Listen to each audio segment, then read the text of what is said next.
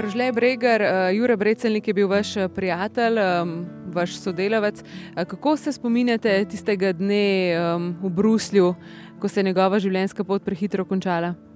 Ja, Jure je res delal, bom rekel, leta 2014, trdo, da dobi vsa sredstva za snemanje dokumentarnega filma Zadnji ledeni lovci.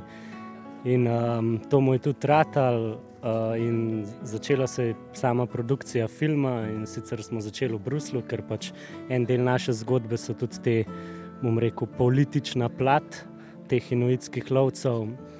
In dejansko drugi snemalni dan um, smo še lepo vse posneli, um, Jure je bil fulj zadovoljen, ker smo dejansko začeli konkretno snemati zadevo. Uh, in naslednji dan, ko bi mogla z Juretom domov se dejansko Jure ni več zbudil.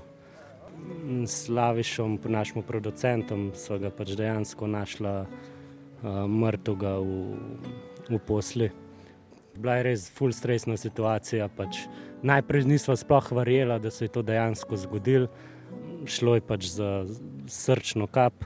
In to je bil en mesec pred našim glavnim odhodom, tudi na Grenlandijo.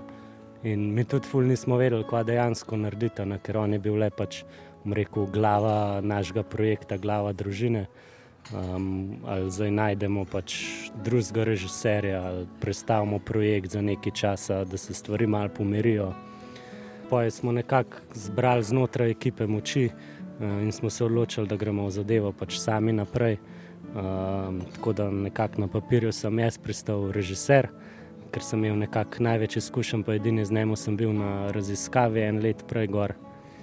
In um, bom rekel, da smo v tem skupnem duhu pač pripeljali tudi film in projekt do konca. Um, izgubili ste prijatelja, um, sodelavca, tudi mentorja na nek način. Um, kaj ste se naučili od Jureta, kako ste potem ta znanja uporabljali, koliko krat se ste spomnili morda na kakšne nasvete, ki vam jih je delil, ali pa razmišljali, kako bi Jure uh, tukaj odreagiral, kaj bi on naredil? Um, ja, bom rekel, Jure, to sem že občudoval, ker sem bil že v svojih rosnih začetniških snemalnih uh, zadevah. In sicer je res naredil lepe projekte v Dolini Soče, ki sem jih zmeraj občudoval in sem si na nek način potihan želel, da bom mogoče en dan srečal tega človeka. Um, in bilo je zelo po naključju, bil sem rekel, v Bovcu ki me kličejo iz ene produkcije, če bi prišel snemati eno kuharsko vdajo in sem še nekako malo odlašal, pa sem le po pol ure poklical nazaj, pa sem rekel, no pa pridem naslednji dan le v Ljubljano snemati to. In tam je bil drug snemalec Jure Brecelnik, ki najprej sploh nisem vedel, sem on, ampak slučajno sem zvedel, da je on partner od Natalije Gros, Aha, pa mi pa nekako žgal, da gre to za Jureta Brecelnika po prvem tem um, skupnem druženju, ki smo ga imeli na snemanju, um, smo nekako oba začutila, da pa enkrat skupaj delala. In ni minil par mesecev, ko me Jure pokliče uh, na svoj prvi projekt in reče: da bi ti delal z nami en dokumentaren film, takrat je bilo to v Vinarjih. In sem bil takoj za, uh, ker sem rekel, tega človeka se moram na nek način držati, ker on si izmeri um, drzno delati, bom rekel, um, take drznejše projekte za slovenske razmere, ki so pač mogoče vezani nekoliko na outdoor, uh, in takih je v Sloveniji res malo, in sem rekel, super. Rožle Breger z Juretom Brecelnikom ste pripravljali film Zadnji ledeni lovci, dokumentarec o inuitski skupnosti vzhodne Grenlandije. Kako inuiti gledajo na smrt, na minevanje? Um, imajo bistveno drugačen pogled kot mi? Uh, um, zelo globok, oziroma drugačen pogled. Um, mogoče, če samo omenim, da ima Grenlandija procentualno, glede na prebivalstvo, um, največjo stopno poskusov samomorov na svetu. Um, in sicer vsak drugi, oziroma tretji, se pač hoče ubiti, tako da pač vrednost samomorilska je zelo velika tam. No.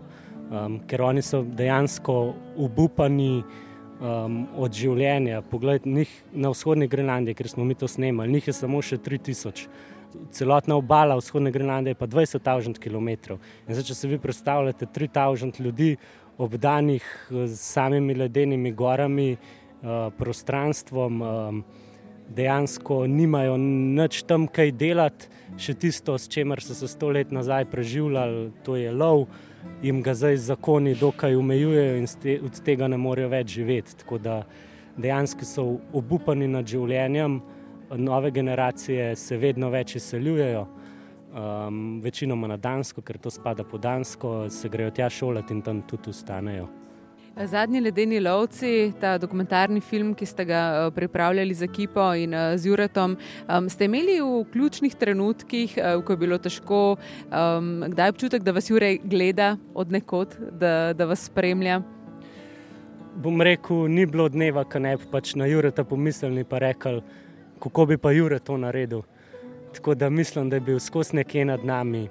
Um, moram podariti tudi to, da je prisotna je bila tudi njegova soproga uh, Natalija Grozah, um, hčerko Elo in dejansko nas je ta družinska prisotnost um, tudi zmeri pač um, furala naprej. No.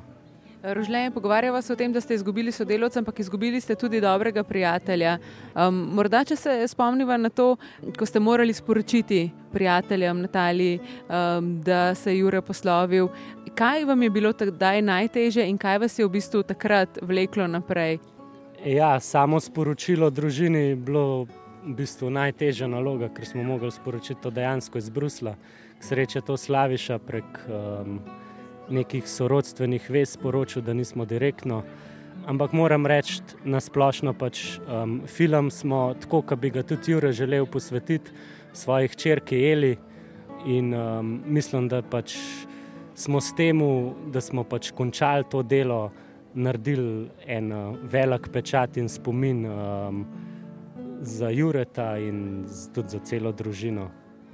Um, kako razmišljate o lastni minljivosti um, zaradi te izkušnje um, s prijateljem, sodelovcem Juretom in tudi zato, ker imate zelo zanimive, nekateri bi rekli tudi nevarne hobije?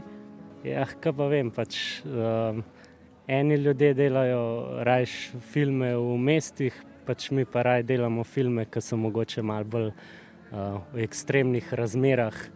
Pač to je nek rekel, način življenja, ki ga imamo radi in pač hočemo na nek način uh, izstopati iz povprečja mestnih ulic. ne razmišljate pa, recimo, zdaj, če se pomodiva še pri vašem hobiju ali pa nekdanji ljubezni, lednem plezanju, da je to nevarno in da morda se ne splača tvegati. Ja, v bistvu ženete pač en cilj, da hočeš um, narediti en dober izdelek in pač bom rekel, tvegaš velik prak uh, tveganja, da pač dosežeš nekatere, da priješ do neke vsebine, do nekih posnetkov. Mogoče lahko samo omenim eno anegdoto. Recimo, pač naša zgodba se odvija na, v odročnih vasicah izven glavnega mesta. In do te vasice je ponavadi uh, pride sam s helikopterjem, ki je pa na vzhodni Grenlandiji en sam helikopter, In um, en dan po zim smo se recimo razdelili, pač štirje smo bili v ekipi, sva šla sam z dva, še z drugim snemalcem v to vasico. In po treh dneh, ki bi se mogla vrniti, se je pač pokvaril helikopter, um, produkcijski dnevi pa tečejo. No, in nekako smo mogli nazaj v bazo pridati. In po enem tednu čakanja, ker so rekli, val, da del za helikopter bo čez en mesec sprašuvan. Uh, smo mogli nazaj spati v prego in to greš pač po zaledenelem morju na odprtem, um, potuješ dva dobra dneva, spasi v prego na minus 20, minus 30 stopinjah, ki veter piha, ki imaš gor tri puhovke, pa je še zmeraj mrzlo. Um, in bom rekel, mogoče to so neki taki ekstremi. Ampak sem pa recimo na tej dvodnevni poti nazaj. Um, sem tudi, bom rekel, za deset minut izvlekel kamero, sem zbral toliko močivan in so res ratali neki res dobri posnetki v mrazu, vetru teh um, psov. Se pravi, ne ustrašno naprej. Ja, nekako tako.